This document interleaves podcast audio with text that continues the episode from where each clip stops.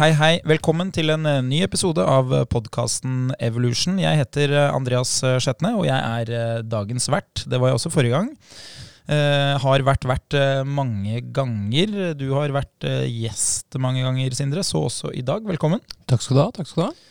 Du, vi, eh, vi skriver eh, starten av februar i kalenderen her nå. Vi er jo langt over den datoen eh, som man beskriver som Quitters Day. Så vidt jeg husker, så er det da 19. 19. januar. Kan stemme, det. Ja, Det er jo da treningsappen Strava for utholdenhet som registrerer at når vi kommer til 19. januar, så faller frekvensen på trening betraktelig. Noe som gjør at man kan da knytte det til et slags sånt eh, utløp av nyttårsforsetter. Eh, Men eh, poenget mitt her er jo da at i dag tidlig klokka 06.30 nå, nå føler jeg skryter av meg selv, det gjør jeg jo kanskje litt. Så hadde jeg en PT-time, og hun jeg har PT-timen med, hun trener jeg med. Det er jo litt sånn ekstra god stemning. Begge får trent, vi får slarva litt i pausene mellom seriene. Eh, jeg setter jo veldig pris på det, så det er jo en av de eh, treningsøktene i uka hvor jeg faktisk eh, virkelig gleder meg til å trene. Men det som var spesielt i dag, 06.30, det var at det var 20 andre mennesker på trening samtidig. Jeg trodde du sa at Quitters Day var nesten for to uker siden. Ja, fordi det å være over 20 stykk samtidig, det er jo noe vi ikke ser verken i første uka i januar eller noen annen uke i året. Det er jo ganske sjelden altså, at det er så mye folk. Så eh, jeg er jo rett og slett imponert over de som eh, møter opp så tidlig på trening. Og det, det er bra for folkehelsa, det er jo bra for de menneskene som er der. Det er bra for oss som driver treningssenter, å se at folk er eh, så fornøyd at de velger å droppe å ligge lenge i senga for å møte opp på trening. Hvordan går det med denne nyttårstreninga di? Du er jo midt i basketsesongen. Det er jeg. Har en tre kamper nå. Så det går egentlig veldig, veldig bra. Begynner å bli litt sliten. Du eh, klarte jo å dra på deg et beinbrudd. Det gjorde jeg. Jeg hvordan funker det nå? Nei, du, det har ikke vært, jeg er ikke noe plaga med noe tretthetsbrudd. Det går egentlig helt fint. Uh, kan vel si at eh, når man ligger litt sånn immobil en måneds tid, så blir man jo ikke like eksplosiv. Så jeg har fått en liten strekk. Men det spiller man gjennom. Det går så fint sånn.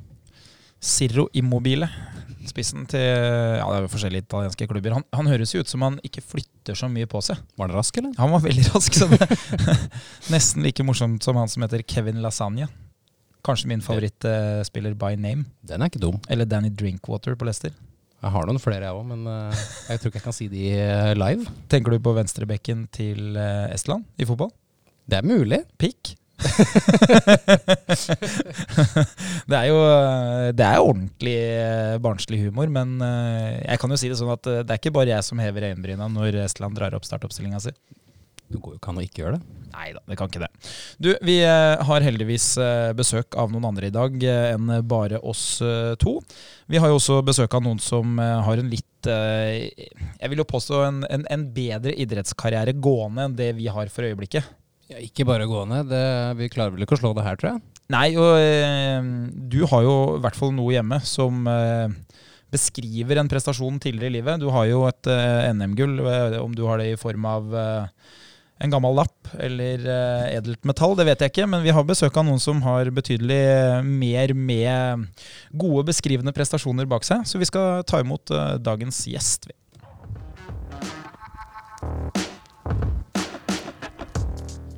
I dag har vi eh, dratt inn noen som eh, kan sakene sine. Eh, Vi har fått besøk av en personlig trener i EVO.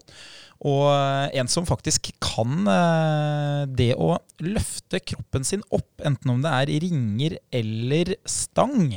Og det er jo noe de fleste har prøvd sjøl og skjønt at eh, det er kanskje ikke for meg, eller jeg er kanskje ikke så god til det, noe jeg selv eh, sjekker hver eh, eneste gang. Velkommen, Love. Tusen takk. Du, Hvordan bruker du navnet ditt, og hva er det fulle navnet? Eh, ja, uh, fulle navn er Love Amund Gidon Bøysen Andersson. Men uh, man kan bare si Love Andersson, egentlig. Aha, så kult.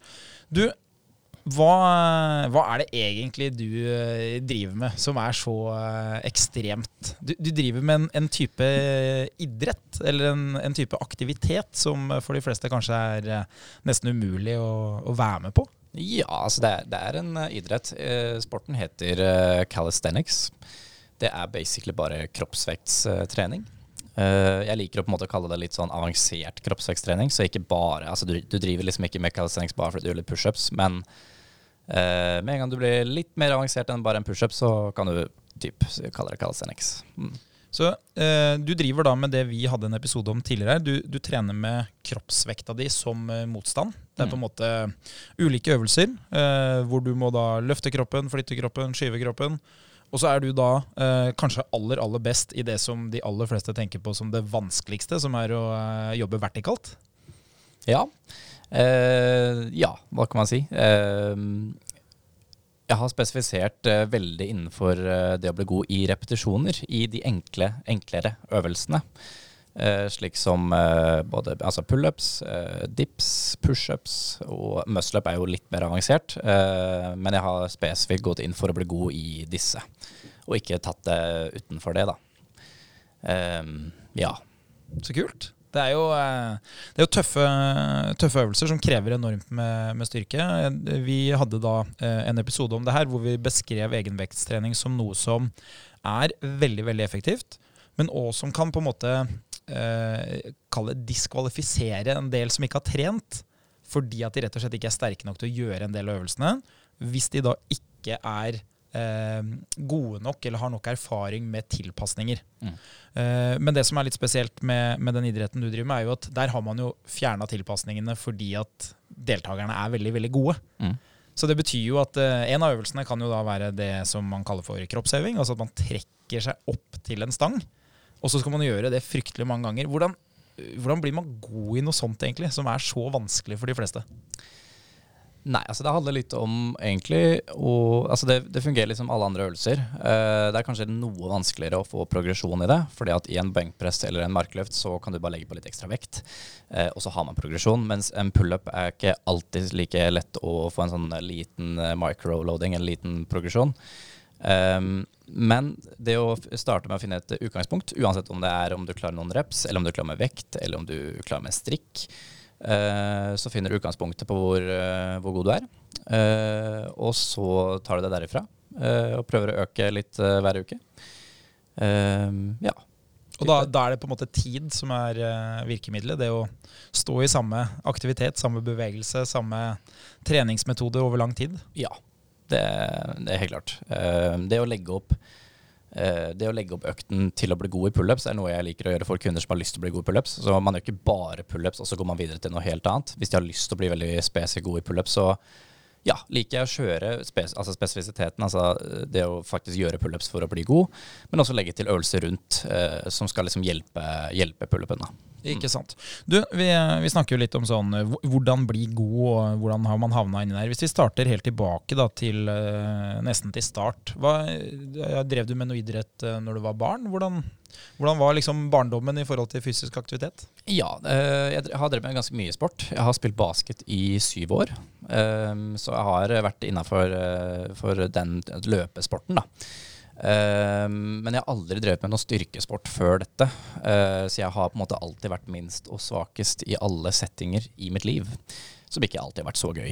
Men så har jeg da funnet dette som da har gjort at alt har egentlig snudd etter det. Men ja, spiller basket i syv år før jeg slutta. videregående kom og litt festing tok plass. Og så forsvant det igjen, og nå er jeg her. ja, nei, basket i Norge er jo Det er jo ikke en Jeg vil ikke påstå det er nasjonalsporten, men det er jo det er jo noen her som spiller basket, uh, Sindre? Ja, det er noen. Mm. Uh, men uh, vi kan vel være enige, du og jeg, Lova, om at det er en gymsalidrett, dessverre. Ja. Det er kjipt for meg. Jeg vil ikke si det høyt.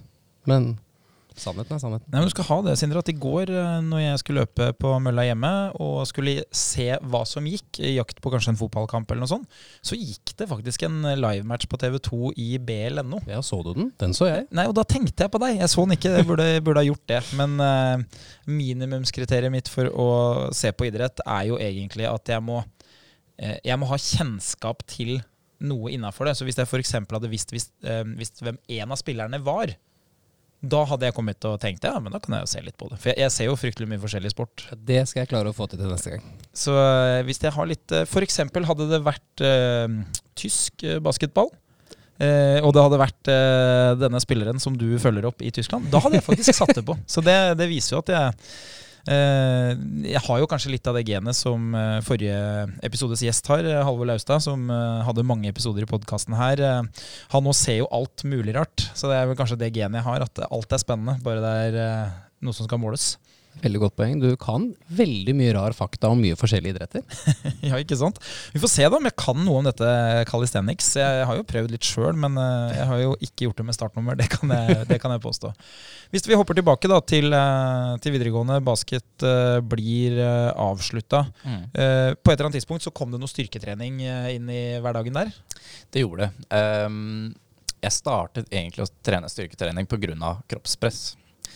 Uh, jeg var veldig liten og tynn og svak. Uh, ble litt sånn kompismobba på skolen og litt sånn. Uh, det var ikke alltid så gøy. Så da var det som, eh, det, var det som fikk meg i gang, da. men så fant jeg veldig fort glede i det å trene. så det gikk for så vidt fort. Men, men, det var veldig vanskelig for meg å trene første årene, for jeg visste egentlig ingenting. Bare prøvde meg fram. så jeg hadde ikke så veldig mye fremgang. men så kom calisthenicsen inn etter hvert som uh, gjorde noe helt annet med meg. Um, for jeg merka at jeg naturligvis klarte å bli bedre i det, for at jeg var veldig lett og tynn. Um, så jeg ble på en måte sett på som ganske god ganske fort. Um, og dette her var da før jeg tok PT-dansen. så etter jeg tok PT-dansen, da, da, gikk det veldig, veldig bra. ja, så det var egentlig Det var typ den reisen som jeg hadde. Mm. Mm. Du, du, beskriver jo noe som uh, vi hører om stadig uh, blant de som er yngre. At man kjenner liksom på litt ubehag i forhold til det med uh, Hva er det som er forventa av meg kroppslig? Hvordan skal jeg se ut? skal jeg være stor og sterk? Skal jeg være tynn og lang? Altså, det, er jo, det er jo en del rapporter som går på det at unge kjenner på det. Hvordan, hvordan preger det deg på en måte i, i barndommen? Nei. Um, jeg har på en måte hørt overalt rundt meg at jeg har vært veldig liten og tynn. Uh, typ Lærere har ringt inn til foreldre og sagt sånn bekymringsmelding. da, type 'Oi, mater du han hjemme?' typ. Uh, og uh, familie også på en måte snakker om at jeg er så tynn hele barndommen, og venner generelt. da. Det har ikke alltid vært så gøy. Man man kan alltid liksom, eller man ser kanskje på at de som er litt mer overvektige som barn, at man skal ikke skal påpeke det og sånne ting, for at det er ganske dårlig gjort. da. Men det gjelder også egentlig for tynne, etter min mening. Eh, fordi det er veldig eh, Kall det lite maskulint, da, hvis du på en måte blir sett på som en svakere individ enn eh, andre. Eh, så da var det egentlig bare det som fikk meg i gang, og jeg ville forandre på det, da. ja. så, sånn her føler jeg meg ikke nå lenger. Altså sånn dette, dette, ligger ikke i hodet mitt nå, for nå har det snudd veldig. Da. Uh, man kan si at det er kanskje litt synd at det var det på en måte som var grunnen, men samtidig så er jeg også litt glad for det, for jeg hadde jo ikke vært her hvor jeg er i dag hvis ikke det hadde vært for kroppspress. Så jeg er litt sånn splitta på den, egentlig. Mm. Det, som, eh, det, som, er fint da med en sånn type endring, er jo at du, du har jo erfaring med å, med å finne en slags løsning på den utfordringa som du har. Da. Så det er kanskje litt lettere å relatere til de som opplever ting som er ubehagelige, som de har lyst til å gjøre noe med. Eh, det er jo klart Hvis man fra man var ung eh, har vært god i idrett da, hele veien, og, det har vært identiteten din, så er det kanskje ikke så lett å sette seg inn i hvordan mange av de kundene man har som personlig trener, eh, faktisk føler det. da. Mm. hvordan, hvordan, er forskjellen på liksom kanskje kjenne på lite mestring da, og skulle ønske at man presterte annerledes, og det å plutselig være god i noe hvor veldig mange andre kanskje misunner deg de ferdighetene du har? Ja. Um, det er en, en, utrolig bra følelse å egentlig ha snudd om det der. Um, og jeg kan ikke forestille meg at jeg hadde gått tilbake til det andre. Og, og det er jo en, en, uh, god følelse som jeg gjerne ønsker at alle skal ha. Uh, og derfor tenker jeg også styrketrening er så viktig. Jeg skjønner at for, for liksom, alle kan ikke elske styrketrening, men uh, hvis man kan få bare typ, noen prosent av den gleden jeg har i dag for at jeg har oppnådd det jeg har nådd, så tror jeg at de har et ganske mye bedre liv. Eh, så jeg tror at det har veldig mye å si. Eh, ja, god følelse. Mm. Ikke sant? Ja. Mm. For du får jo en, eh, du får jo en dobbeleffekt. Du får jo en fysiologisk effekt hvor du mm. er sterk nok til å gjøre de utfordringene som du møter på. Og så får man jo en mental effekt da, ved at man uansett om du har en personlig trener som kan si hva du skal gjøre, så må du på en måte gjøre det selv. Da. Så du, du, bygger jo litt selvtillit og litt bedre selvbilde av å ha mestra de utfordringene. Mm. Kan du selv huske liksom, uh, første gangen i Calisthenics hvor du skjønte at jeg er egentlig god i det her? Ja. ja um kanskje da jeg tok PT-utdannelse og måte viste fram litt muscleups foran alle de PT-elevene og, og, lærerne. Eh, ble liksom sett på som litt annerledes. Eh, litt god, spesifikk god idé. Så det var kanskje første gang jeg liksom merka forskjell på det. Um, jeg deltok jo i NM i 2020 for første gang. Uh, da tapte jeg. Sølv, da. Men, men Vi har kommet dit. jeg ville ha det gullet, men det var veldig fortjent gull til han som tok det det året. men da skjønte jeg på en måte at jeg var litt god, egentlig. og spesielt da når jeg tok gull neste gang, så ja, da skjønte jeg jo det. At dette her er, at jeg er, er jeg god på. Ikke sant? Fordi du, du har jo da deltatt uh, i uh, norsk mesterskap i calisthenics. Mm. Og der er det jo da ulike øvelser som man deltar i, eller uh, ulike grener, kan man nesten kalle det. det. Alt handler jo da om kroppsvekt uh, og ulike typer ja, styrkeøvelser, egentlig, da, hvor du skal Enten om du skal ta så mange du klarer på en viss tid, eller at du skal lage et opplegg med vanskelige bevegelser. Og hva er det som har vært din på en måte gren? Hva, hva er det som er der hvor du er best? Uh, ja, før så var det jo en egen gren som bare var muscleups. Så da var det om å gjøre flest riktige muscleups uh, på rad. Uh, den fins ikke lenger, for den måtte jeg legge ned. Men det var den jeg starta med. og der ble jeg norgesmester to ganger, og sølv ett år. og så ble den borte. Og så har jeg da begynt med det som kalles for strength endurance. Og da er det altså Du skal reppe et visst antall reps av ulike øvelser. og så er det førstemann ferdig. Eh, med verdens strengeste regler. Eh, det, er sånn, det, er sånn, det, er nesten ikke gøy på hvor strengt det er noen ganger. um, så det akkurat det uh, Nå er det det jeg driver med, og uh, ja. Det er rep endurance, basically. Mm. Ikke sant? Og, og, den øvelsen som du uh, var best i, da, som kalles for muscle up, da mm for de som ikke har gjort det, så er jo det da først kall det kroppsheving. Det er liksom første del av bevegelsen. At du trekker deg opp til en stang. Men så gir man seg ikke der. Man skal da liksom videre helt til man har eh, retta ut arma og har stanga ved hofta, eller da ringer, da, som også er en, eh, en mulighet. Mm. Det, vil du beskrive det som en enkel øvelse for folk flest når du trener vanlige mennesker? Overhodet ikke. Det er ikke en enkel øvelse. Uh, men det er ganske mange som kan gjøre det, eller potensielt kan få det til. Så innenfor calisthenics så finnes det mange ting som er mye vanskeligere.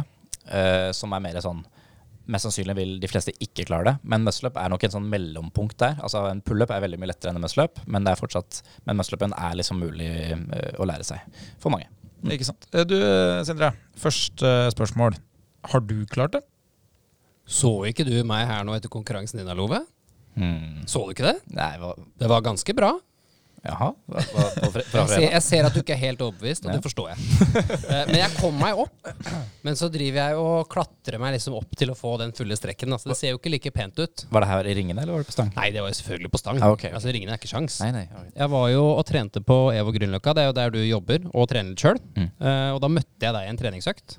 Og Da skal jeg gå og ta noe knebøy, og så snur jeg meg, og da er det en som bare spretter opp og ned av gulvet. Og det går jo veldig fort. Det ser ut som at du hopper. Og så ser jeg på beltet, så er det jo veldig mye kilo. Jeg tror det var 22 kilo, stemmer det? Ja. 22,5. Ja. Så spør jeg deg, og spurte jeg faen, dette er bra greier. Så, så sier du til meg det er egentlig en litt dårlig økt, jeg er ikke fornøyd. Mm. Det er jo helt sjukt hvor sterk du er i den øvelsen. Så det er ikke, det er ikke tungt nok med kroppen? eh, til å starte å si at du jobba med repetisjoner, så må jeg bare si at du er jo jævla sterk òg. Ja, takk for det. Nei, altså kroppsvekt uh, Jeg har gjort 51 muscle på rad på stang.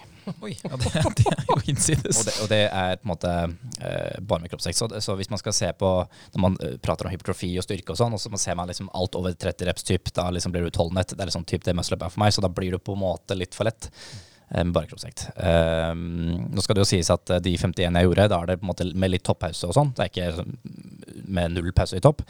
Uh, men uh, det er veldig fint å legge til uh, vekt. Ja. Mm. Mm. ja, ikke sant. For å, for å, rett og slett holde belastninga på et nivå som gjør at man får mer og sterkere muskler, da, hvis ja. det er det som er målet, og ikke, som du beskriver, øve på å kunne bruke lite oksygen når man gjør det, eller da mhm. klare å ta enda flere. Yep.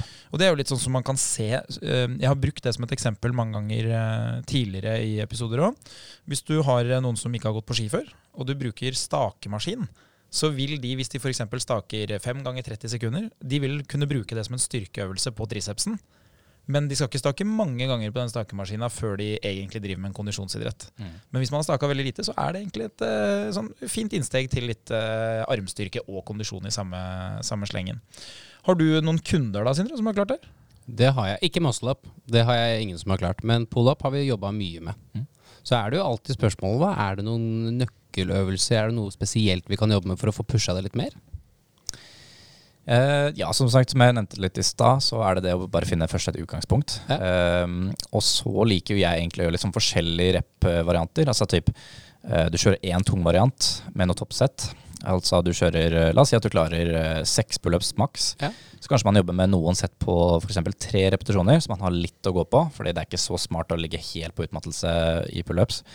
Um, og eh, da kjører man typ noen, noen få sett med tre, f.eks. Og så tar man noen, noen sett etterpå, da man tar litt lettere vekt. Og så kjører man Altså f.eks. at man tar med en strikk, da. Uh, og så kjører man uh, ja, seks eller åtte eller et eller annet sånt, og der kan man kanskje ligge litt etter på utmattelse, muligens. Og så for dem som er veldig nye, så er det på en måte en sånn lineær progresjon. Altså den, man kan bare øke hver uke, og det går veldig fint, for man er veldig sterk i begynnelsen. Eller man kan, man kan øke veldig raskt da, i begynnelsen. Um, så kan man helt fint bare legge på reps, og så blir man ganske fort god. Og så kommer det til punkt hvor det, hvor det stopper opp, og da må man kanskje gjøre litt andre ting, eller ikke tenke at det skal gå så fort lenger, da. Mm. Har du mange uh, Altså de kundene som du har, Uh, er det bare mennesker som driver med det her, eller har du mange helt vanlige mennesker òg som du på en måte kanskje bruker elementer av sånn type trening inn i treningshverdagen til? Nei, jeg har litt, for, litt eh, forskjellig, egentlig. Jeg har typ halvparten av mine kunder på EVO er calisthenics-kunder som vil lære seg muscle-up eller bli gode pullups eller ja, den duren. Eh, og så har jeg andre halvdelen som eh, jobber for muskelvekst, eller eh, typ skal bare komme seg i litt bedre form, bli litt sterkere i ulike løft, som ikke har noe med kroppsvekt å gjøre. Så jeg har litt forskjellig. Mm. Er det sånn at det er mulig å bruke noen av de treningselementene som du bruker i din hverdag, inn i helt vanlig trening? Er det liksom, Fins det noen synergier der som, som du kjenner på at du bruker eh, mot kundene? Ja, altså det jeg gjør er egentlig ikke veldig komplisert. Altså jeg, min trening er ganske enkel. Uh, så jeg på en måte følger akkurat samme prinsipper eh, selv som jeg gjør for kundene. Så, så det er ikke noe sånn at jeg driver med en sånn superhero workout egentlig. Det er bare at jeg har kanskje litt høyere vekter enn de andre. da. Altså, det er ikke noe, noe mer komplisert enn det egentlig. Er det sånn at uh, du da kan lage f.eks. et uh, treningsprogram for ferie eller hjemmetrening og sånn, og da, da er det egentlig liksom de, mange av de samme bevegelsesmønstrene, kanskje bare at man har uh, valgt å gjøre de lettere, da, enten om man bruker en strikk for å avlaste litt kroppsvekt, eller er det Mm. noe du også gjør til vanlig, liksom? Ja, eh, det er mange som drar på vinterferie og sånne ting. Eh, Da pleier jeg å gjøre det veldig simpelt for dem, bare for at de skal holde nivået litt oppe. Så typ, eh, jeg driver med faktisk en del e-moms, for dem som har hørt om det. Det er altså Every Minute on a Minute, som er en type crossfit Hva skal man kalle det? Cross, kommer fra crossfit, da. Men det er ganske mange calisthenics som også driver med det, eh, blant annet meg. Og eh, da pleier jeg å gjøre det veldig enkelt, at eh, du skal bare gjøre eh, fem pushups i ti minutter og tre pullups i ti minutter. To ganger i uka når du er på ferie. Ikke sant? Til kunder. Altså, sånn, det er veldig lite, og det, bare, det, gjør, det gjør bare at de opprettholder nivået til de er tilbake. Det her høres jo ut som uh, noe som kan gjøres uh, ved solsenga. Ja, egentlig. Eh, eh, og det høres jo nesten ut som at det er mulig å samkjøre med cervezas. Det var det jeg tenkte du skulle si, ja. Så det er kanskje noe jeg bør innføre det er når jeg rett og slett er på tur med noen kompiser. At eh, man velger en sånn type løsning. Kanskje jeg får andre folk i aktivitet, selv om de gjør andre aktiviteter. Det var ikke en dum plan det her, Andreas. Nei, det er muligheter, det. Det som eh, jeg føler av og til, da, det er at den podkasten her er en reise i ting jeg var god i før. Jo, eh, jeg har jo prøvd det her en gang tidligere. Det var jo veldig populært med, med muscle-ups. Når kan det ha vært? da? Kanskje sånn 2018-2017? At det var liksom da det kom første gang til norske treningsmarkedet. Da. Det var jo ikke sånn vanlige folk drev på med, men eh, veldig mange personlige trenere syntes jo det var liksom det blir jo litt som du beskriver fra du var eh, student, at eh, det er noe alle skulle teste for å se om de fikk til. Og da tror jeg, Det er jo klassisk eh, mann eh, snart 40 og drive og eh, ljuge på seg gamle bragder, men jeg tror kanskje det var fem. men, men da, det er jo viktig å si at eh, eh, jeg føler det er litt som å løfte tung markløft. Hvis du spretter stanga i bakken, så er det, det er jo lettere å ta nummer to, tre og fire hvis du kommer fra en posisjon oppe. Mm. Eh, for meg, som da gjør det her på rå kraft, og ikke på teknikk, og ikke med stopp i bånd, eller Så var det i hvert fall sånn for meg at hvis jeg først klarte nummer én, så var det jo lettere for meg å klare nummer to og tre, for da, da kommer du jo med et slags moment, og du får jo eh, Altså i hvert fall jeg, da, som ramler ned som en, eh, som en melsekk, får jo da veldig bra med spenn i muskulaturen nede. Så jeg tror kanskje jeg tok fem, altså, men Det er bra. Ja, jeg, jeg føler jo det nå i denne episoden her, at dette her er jo eh, noe jeg burde ha fortsatt med, ikke slutta med. Du, vi, eh, vi vet jo at du, du jobber som PT. Du trener jo eh, mange andre mennesker. Men hvor mye, hvor mye tid må man bruke for å være så god at man kan bli norskmester i det her? Nei, det, det er egentlig ikke veldig mye tid. Altså, det, akkurat nå så har jeg eh, fem styrkeøkter i uka, hvor to av de er bein. Så tre av øktene er overkropp. Så det er eh, tre økter på, på liksom muscle-ups og dips og disse tingene. Uh, og du trenger ikke å trene kjempelenge heller. Uh, jeg er veldig fan av uh, lavt volum. Altså, du gjør lite, men med høy intensitet. Gode pauser. Ja, så har du bare progresjon over tid. Altså det, det er ikke mer komplisert enn det, egentlig. Hvor, eh, hvor er det man trener hen? Sindre beskriver jo her at det er mulig å gjøre det på et treningssenter. Er det, er det noen andre steder som er liksom sånn populære arenaer for å drive med calisthenics? Absolutt. Det er jo Tufteparker, som er da uteparkene ute. Og det finner man typ, eh, mange steder i Oslo, men også over hele Norge. Eh, og egentlig over hele verden. Eh, men selve Tufteparkene er en norsk eh, brand. da.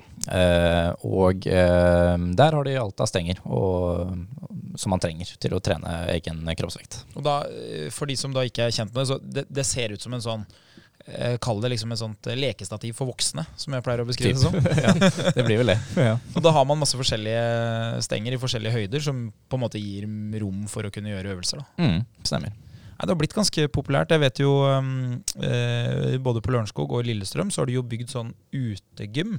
Så der har du jo faktisk eh, helt vanlige sånne eh, styrkeapparater med vektmagasin. Eller altså det er jo Det kalles veldig fancy for plate load. Altså at du, du bruker vektskiver som en metode for å gjøre øvelsene tyngre.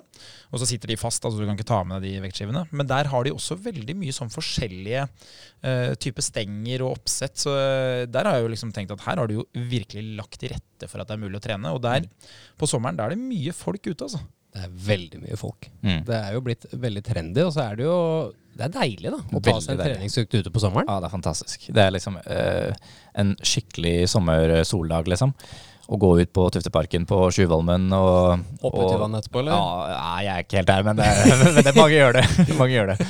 Uh, nei, og så er det liksom Det er sånn uh, palmevibes på Tjuvholmen der. Du, du får liksom skikkelig sånn, ut, uh, sånn at du er på reise, liksom. Eh, og så trener du, og så er det et kjempestort miljø, ikke sant? Eh, både av gode folk og mindre gode folk. Og man inspirerer hverandre og lærer og litt sånn sånne ting. Det, det, det, er, det er lite som slår det, egentlig.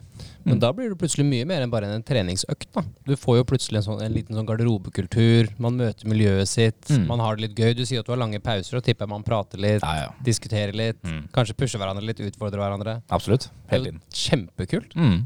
Hvordan er, eh, hvordan er rekrutteringa til miljøet? Er det sånn at det tilkommer nye folk stadig? Ja. Så det er ansikter du ikke har sett når du er ute og trener? Ja, eh, ansikter. Og, og, på konkurransedager òg. Masse nye som hele tiden vil prøve seg. Eh, og det er veldig gøy. Så vi vil jo at eh, sporten skal vokse. Eh, så man prøver å inspirere folk til å, til å begynne med det typ litt mer seriøst enn bare tulle rundt. Ja. Hvis man uh, sitter hjemme nå da, og tenker at uh, det her er noe jeg har lyst til å prøve, og man tester det og ser at ja, men jeg, jeg føler at jeg liksom jeg får til noen elementer her. Eh, er det bare å hive seg med, liksom? Er det, er det sånn at det er treningstider, eller er det åpent for alle alltid? Eller? Ja, da, åpent for alle. Du, du på en måte velger en tid å bare gå på en park f.eks., eller på et gym. Og så møter du på de du møter på. Og du vil alltid møte på noen, for det er, spesielt om sommeren så er det helt stappa ute. Eh, så det er nesten man må krangle litt om stanga. Eller man står, står i hvert fall kø, da. Eller står i kø for å ta, no, ta sitt sett, liksom. Eh, så nei, kjempegøy det der, faktisk. Så kult. Er det, mm, eh, er det sånn at det her er et Oslo-fenomen, eller er det også andre steder i Norge hvor man altså Når, når det er norsk mesterskap, f.eks., er, det- er det deltakere fra forskjellige steder? Ja, folk flyr inn fra hele Norge. Mm. Det er størst miljø i Oslo, vil jeg tro. Uh, men det er uh, typ mindre miljøer overalt i Norge. Uh, og dette er ganske gode folk, som også da flyr inn til Oslo for å ha treninger, og også konkurranse når det er konkurranse. Um. Hvordan er liksom eh, Så når man da arrangerer norsk mesterskap, man er god der, er det sånn at det finnes noe sånn naturlig steg videre til å delta internasjonalt? Er det, er det et uh, internasjonalt miljø som også driver med det andre steder, som konkurrerer? Og ja, det er, det er konkurranser i hele verden. Uh, det er liksom når du kommer utafor Norge og Norden, det er da liksom miljøet øker Nei, ikke miljøet, men nivået øker enormt utenfor Norden. Um, men med en gang du har på en måte fått uh, noen NM-titler og sånne ting, eller topp fire hver gren får lov til å være med i nordisk mesterskap, uh, og så er det da VM, som er i Latvia hvert år. Uh, utrolig høyt nivå. Um, og da er det typ den beste, altså nummer én, da, som får lov til å være med fra hver gren, hvis de har lyst. Og så er det interne konkurranser som egentlig jeg ser på som større og viktigere enn VM, for VM har liksom VM-tittelen. Um, men det er flere bedre folk som er med i andre konkurranser enn VM. Og det er fordi at det er litt sånn regler og sånn som er litt rare på VM, så folk har ikke lyst til å være med. Eh, så det fins eh, store konkurranser altså i Stockholm, det er i England, eh, og så er det i Tyskland. Så er det interne konkurranser der hvor du på en måte må ha et opptakskrav for å komme med. Og hvis du er god nok, så får du komme med. Men det er veldig veldig høyt nivå. Så det er liksom de tingene jeg ser på akkurat nå. Og jeg har vært med i de også eh, hvor man blir knust. Så man må, man må jobbe, jobbe, videre. Så jeg er veldig motivert for det. Mm. Så kult. Er det, er det, på en måte profesjonell status? Er det sånn at folk eh, tjener penger på det? Og, eller er det sånn at eh, folk betaler for å reise øh, og delta? Noen er jo sponsa øh, av type et sånn Calisthenics-merke som, som, reiser, eller som flyr folk inn og ut. men også er det pengepremie. De er ikke så store, men uh, vi er veldig fornøyd med at det har kommet i det hele tatt noen ting uh, i potten. Um, ja, så Hva var det spørsmålet din?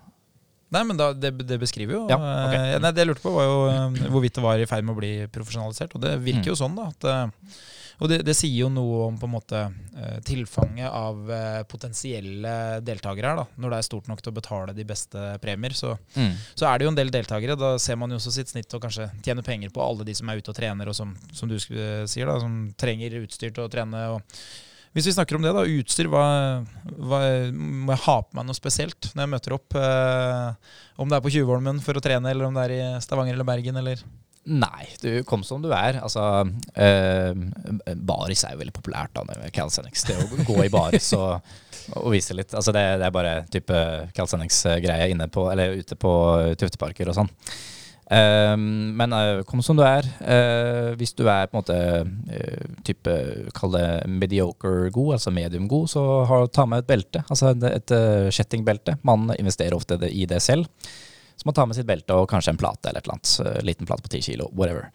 Um, og så bruker man det. Og så er det andre som har med også sine belter og plater, og så låner man litt og bytter litt og sånne ting. Ja. ja så kult. Og så kan man jo, hvis man ikke har kommet seg dit, så kan man jo ha med seg en strikk, f.eks. Ja, ja, absolutt. absolutt. Jo, så, så, man har egentlig med seg et sånt lite kit med, mm. med ting. Um, en ting som jeg opplevde, da, var jo at når jeg begynte med det her, så uh, selv om jeg hadde trent mye styrke, så var ikke uh, håndflatene mine var kanskje ikke helt rigga for uh, den friksjonen. Hvordan er det når du driver med det så mye som deg? får liksom håndflata kjørt seg mye? Um, ja, akkurat nå som jeg holdt på så lenge, så får det ikke kjørt seg så mye lenger. Man har jo vært igjennom en god del blødninger. sikkert 200 stykk, eller et eller annet sånt. da. Uh, og huden fungerer jo litt sånn som musklene. Blir jo sterkere og tar imot den støten neste gang. Uh, så da må du på en måte gjøre mer for at det skal rives en gang til. Uh, så akkurat nå så ser jo hendene mine bare egentlig ganske fæle ut. men de tåler mye. Jeg blir, ofte, jeg blir, ofte, veldig sår i hånda etter en økt, men det blør ikke lenger. Men jeg blir alltid sår, for jeg gjør veldig mye volum. Så, så, det er det som sitter igjen. Men for de fleste, eller for alle sammen som begynner med det her, så vil det blø mye. Og det er også kunder som klager på det på EVO og slike ting. At ja, nå gjør det vondt osv. Videre, og, og det er litt sånn, det er en del av gamet. Du må nesten tåle det litt. Og så Det må liksom bare ødelegges, heales og om og om igjen til det er bra nok. Blir man, eh, blir man frista til å teste turn, f.eks., som kanskje er liksom neste steget? Har du vært og testa en turnhall, f.eks., og fått lov å kjenne på sånne ting? Jeg har aldri testa turen, faktisk. Um, det kunne vært gøy. Jeg har alltid sett på det. Jeg vet at det er flere i miljøet som, som går i turnhall og trikser litt og sånn. Og det ser litt gøy ut. Men jeg har bare aldri tatt steget der. For jeg bare driver med reps, så det er liksom, turen faller ikke helt naturlig. Men helt klart, øh, det er nok kjempegøy å gå til turen etterpå. Men jeg vil jo tro at man starter ofte med turen, og så går man til Calisthenics etterpå. Uh, rett og slett fordi man har liksom den karrieren med turn, uh, og, så, og, så, er man kanskje litt lei, eller man har holdt på i veldig mange år siden man er liten, og så slutter man, og så vil man jo trene fortsatt. Og da er jo calisthenics veldig likt. Uh, og det vet jeg. Han som hadde både verdensrekord før meg, og han som vant over meg første året, han har vært turner hele livet. så det var veldig naturlig for han å bare gå rett inn i mesterløpet og vinne. ja, ikke sant. Det kan jeg se. Du nevner jo en ting her som, eh, som, er ganske stilig, da, og som de fleste kan forstå at det er ganske avansert. Fordi du er jo da øh, norskmester. Øh, og det er jo ikke så lett for alle å forstå hva som kreves for å bli det. fordi hvis man ikke har drevet med det sjøl, så, så, så, er liksom ikke Er det bra? Er det sånn at svensk mester er bedre enn norsk mester? Amerikansk mester er han 100 ganger bedre? Men det de fleste kan forstå, det er jo at du faktisk du besitter det som eh, heter for en Guinness-rekord. Mm. Og det beskriver jo noe eh, ganske unikt, og det er jo at det er ingen andre som har eh, klart å gjøre det bedre. Mm. Hva, eh, nummer én, hvordan i huleste havner man inn i en Guinness-rekord, og hva er det du har gjort for å få det til? Ja, først er det en søknadsprosess. Eller først må du se om du er god nok til å i det kunne ta en rekord. Da, ikke sant? Så Hvis du føler at du er klar for det, så søker du inn til Guinness om den spesifikke rekorden. Eh, og så må Guinness godkjenne søknaden. De må se at du er god nok. Eh, og så godkjenner de at du kan ta et forsøk. Og så får du en dato, eller du, du, skriver opp en dato du skal gjøre det på. Og da skal du prestere den datoen. Og det er det som er reglene. Eh, så du kan ikke bare sende inn en eller annen film du gjør på trening. ikke sant? Så det er veldig spesifikke regler du må følge. Hvis ikke det skal være en Guinness-representant til stede, så, så, må du følge ulike regler. Så det er sånn det på en måte fungerer. Og så sender du inn alt av uh, evidens og sånne ting etterpå, og så får du da et svar om den er godkjent eller ikke. Så det er selve prosessen. og jeg har jo da trent mye muscleups, vanlig, altså vanlig muscleups på stang, ganske lenge før jeg bestemte meg for å ta verdensrekord i ringer. For det jeg har verdensrekord i, er da ring muscleups, altså maks antall på ett sett. Ja, så da, da starter du sant, med én, og så går du bare rett over i repetisjon to, tre, mm. fire. Mm, uten å stoppe. Ikke sant? Mm. Og da, det du egentlig gjør da, da henger du i ringer, og så trekker du deg eh, opp, og så eh, såpass langt da, at du har strake armer til slutt. Ja, eh, og ikke ut til sida, men strake armer ned til hofta. Mm. Og så eh, må du helt ned igjen til å henge i ringene og opp igjen. Yep. Og hvor, mange sånne på rad klarer du før du må ha pause? Um, jeg har klart 23 på rad. Um, og dette er da strikte muscleups, må jeg si det. For at eh, crossfittere har gjort flere. For at de bruker en helt annen teknikk som ikke er lov da, med, i denne rekorden. Ja, ikke sant? Så uh, Hvis man hadde stelt seg på sida av deg, da, mm. så ville man sett at du henger vertikalt rett ned. Men hvis du hadde fått lov til å bruke liksom, eh, Kall det en sånn type piskeeffekt, da. Mm. Hvor du hadde fått lov å huske mer fram og tilbake, så hadde det vært enklere å ta flere. Da er det ganske mye enklere å ta flere. Mm. Ikke sant? Og 23 av det. Yes. Hvor, uh, er det Guinness-rekorden, som er liksom 23? Nei. så du har vært bedre på trening, faktisk? Ja, det, det presterte bedre på trening. Um, jeg tok 21 med Guinness. Um, det som er, den, den, dagen der var jo utrolig nervepinnende. Um, så jeg samla jo masse folk rundt meg til å gjøre dette forsøket. Jeg hadde livestream, og det var mye press på at jeg skulle klare det. Jeg hadde 10 000 kroner som sto på linja, uh, så sponsoren min hadde ikke akkurat likt det hvis jeg ikke går. og så gjør jeg meg klar til forsøket og setter i gang, uh, og så klarer jeg det ikke. Jeg feiler forsøket.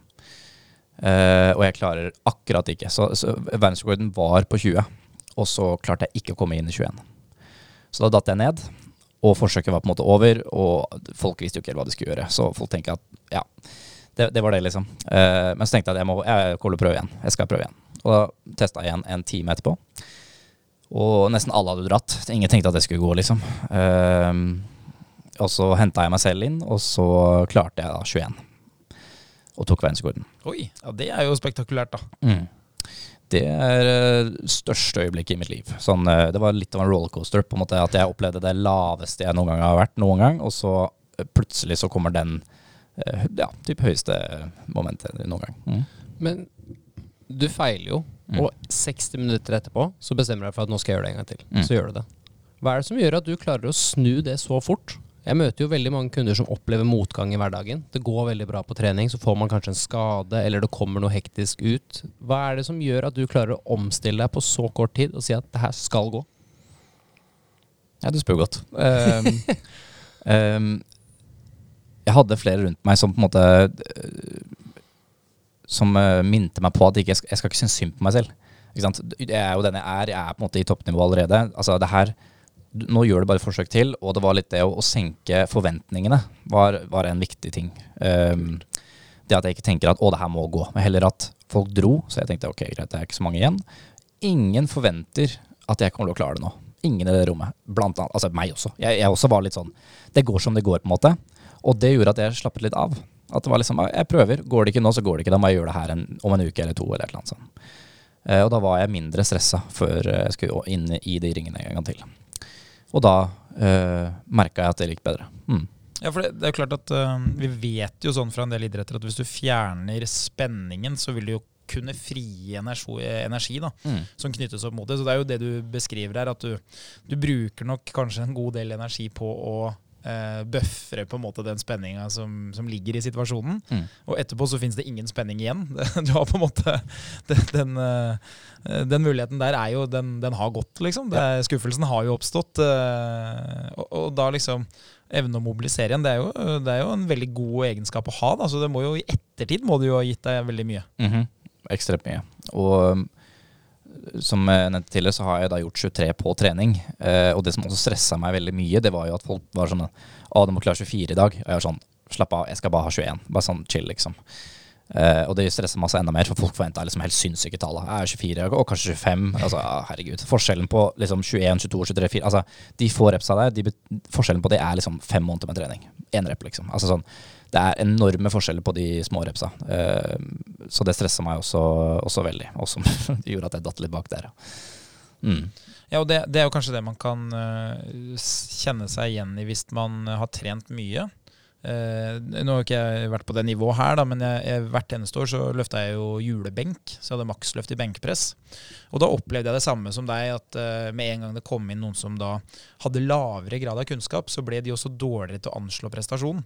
Så de heiv ut på en måte forventninger som var helt urealistiske. Altså, hvis jeg hadde innfridd de eh, forventningene som de satte, så ville prestasjonen jeg leverte vært uh, helt, helt unik. Mm. Altså det, En overprestasjon på 10-15 uh, eh, av hva jeg forventer, som liksom er godt kjent med uh, hva jeg kommer til å få til, mm. og som har brukt mye tid på det, både med å trene andre, har studert trening, har trent mye i øvelsen selv. Det, det, bare det ødelegger mer enn det skaper, på en måte. Mm. så det er, jo, det er, jo, det som òg skjer her med deg. At du liksom Eh, det at man setter forventningene høyere enn det du Du ville jo ha skuffa selv om du hadde fått til noe som egentlig er ekstremt bra. da. Mm.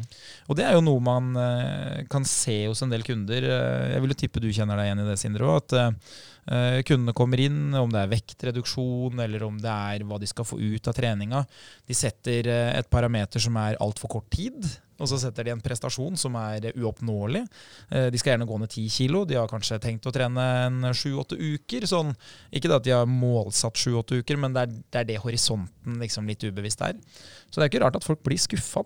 Nei, og det var litt derfor jeg ville spørre deg òg. For det er jo akkurat det vi møter her, som vi har snakka mye om. Og vi har snakka om dette med å ha et kompass og ha et kart, og vite hvor destinasjonen ender. Og hvor den egentlig starta. Og det er jo det vi prøver hele tiden å hjelpe kundene våre med. Mm. Men som igjen for deg, da, som er en verdensmester, må være litt vanskeligere, da. Det er jo ingen som har gjort det før. Hva, eh, hva, får man når man uh, ringer, eller man ringer kanskje ikke uh, til Guinness, men uh, hva får man i retur når bekreftelsen kommer? Får man en, en plakett? Hva, hvordan vet man at dette er ekte? Ja, du får en uh, diplom ah. uh, som du får tilsendt. Uh, jeg fikk faktisk to stykker tilsendt, det var helt tilfeldig. Og jeg, de kom type ni måneder for seint, så det var mye styr. det, hele den Guinness-prosessen er ganske vanskelig. Det er mye fram og tilbake. Og, ja. Men, men, ja, du får en diplom. Og så får, kommer du på nettet, så står at du har rekorden. og så kommer du kanskje i boka. Han som hadde den før meg, han, han kom i boka. Uh, men jeg kom ikke i boka. uh, og det er fordi at det er 44 000 rekorder, eller noe sånt, og så er det 4000 som kommer i boka. Så det er liksom, uh, de, de, veksler litt hvert år. Noen ja. ganger så kommer det med, andre ganger så gjør det ikke. Og den 2024-boka som jeg eventuelt skulle vært med i, så kommer ikke jeg med. det var kjipt. Men Er det, er det liksom eh, Det er målsetning to når man først har en eh, Guinness-rekord? At man Da vil man i boka. absolutt. Ja. Helt klart. Det altså Hele poenget med at jeg ville ta Guinness-rekorden, ikke bare ha den uoffisielt, var jo fordi at folk respekterer det mer. Når jeg bare sier at jeg har uoffisiell verdensrekord, så er det ingen som bryr seg. Men med en gang jeg sier at jeg har Guinness verdensrekord, så bare aha, da betyr den vel plutselig veldig mye mer. Så det er jo hvorfor jeg ville ta den rekorden nå. Mm. Jeg hadde Guinness-boka i Når kan det ha vært, da? 1999 eller noe sånt. Jeg husker jeg, den, den bladde jeg mye i. da Der var det mye sjuke rekorder. Som, mm. altså Det er jo mye ting som ikke har med fysisk aktivitet å gjøre, som må jeg helt hinsides. Mm. Så det, det er jo et sånn barndomsminne. Jeg tror jo det er litt sånn for de som er født på slutten av 80-tallet, 90-tallet, kanskje også starten av 2000-tallet. De, de husker veldig godt den der Guinness. Det gikk jo på TV òg, husker jeg. Sånn der, TV-program med Guinness-rekorder. Jeg har sett så mye rare rekorder. Jeg husker Det som sjokka meg mest som barn, det var sånn pølserekorder. Antall spiste pølser. Jeg tenkte hvordan? Det gir ingen mening. For å beskrive noe som er i helt andre enden. Ja, helt riktig. Men du, eh, var det sånn at du hadde prøvd deg på en til òg? Eh, Eh, ja, eh, det var faktisk før jeg tok den jeg har nå. Da jeg, jeg starta med maks antall ring muscle-ups på én time. ja. Det var første rekorden jeg skulle ta. Eh, samme greia, masse folk rundt, stort opplegg, eh, livestream osv. Eh, og rekorden var på 156 repetisjoner, strikte repetisjoner på én time. Eh, jeg gjorde 216. Mm. Oi. Det er jo på en time er jo ekstremt. da. Ja, det var ekstremt. Ødela hendene mine i tre uker. Eh, så eh, To, hva sa du? 200 og 16. Ja, for du er, du er nesten oppe i fire i minuttet, da. Så er jo, du skal nå ta én hvert 15.-16. sekund liksom. Det er jo Mm. det, det er ikke en rolig time, for å si det sånn. Eh, nei, det, det var det ikke. Det var typ eh, siste ti minuttene så blødde det så mye fra hendene mine at jeg, jeg skreik på ringene på alle reps, for det var så vondt. Eh, og det var ikke helt verdt det heller, fordi to uker etter at jeg tok den, så var det noen som kom og tok min. Eh, så jeg fikk den aldri godkjent av Guinness heller. Eh, jeg hadde akkurat sendt det inn bare, og venta på at den skulle bli godkjent. Og så kom en, en hviterusser som jeg har konkurrert mot i Stockholm også, uh, som kom med 305. Oh, ja. Så, han, så jeg knuste den forrige, han knuste meg, og da var det bare sånn, ja. sånn var det. Ja, ja, nei, men det sier jo noe om prestasjonene. Og så sier det jo også noe om at det her er jo ikke Det er ikke bare å møte opp. Det er jo, man skal jo virkelig levere noe for å, for å få det til da, når det er såpass høyt nivå. At det er noen andre som Og på en måte både før og etter er villige til å strekke seg så langt. Mm, absolutt.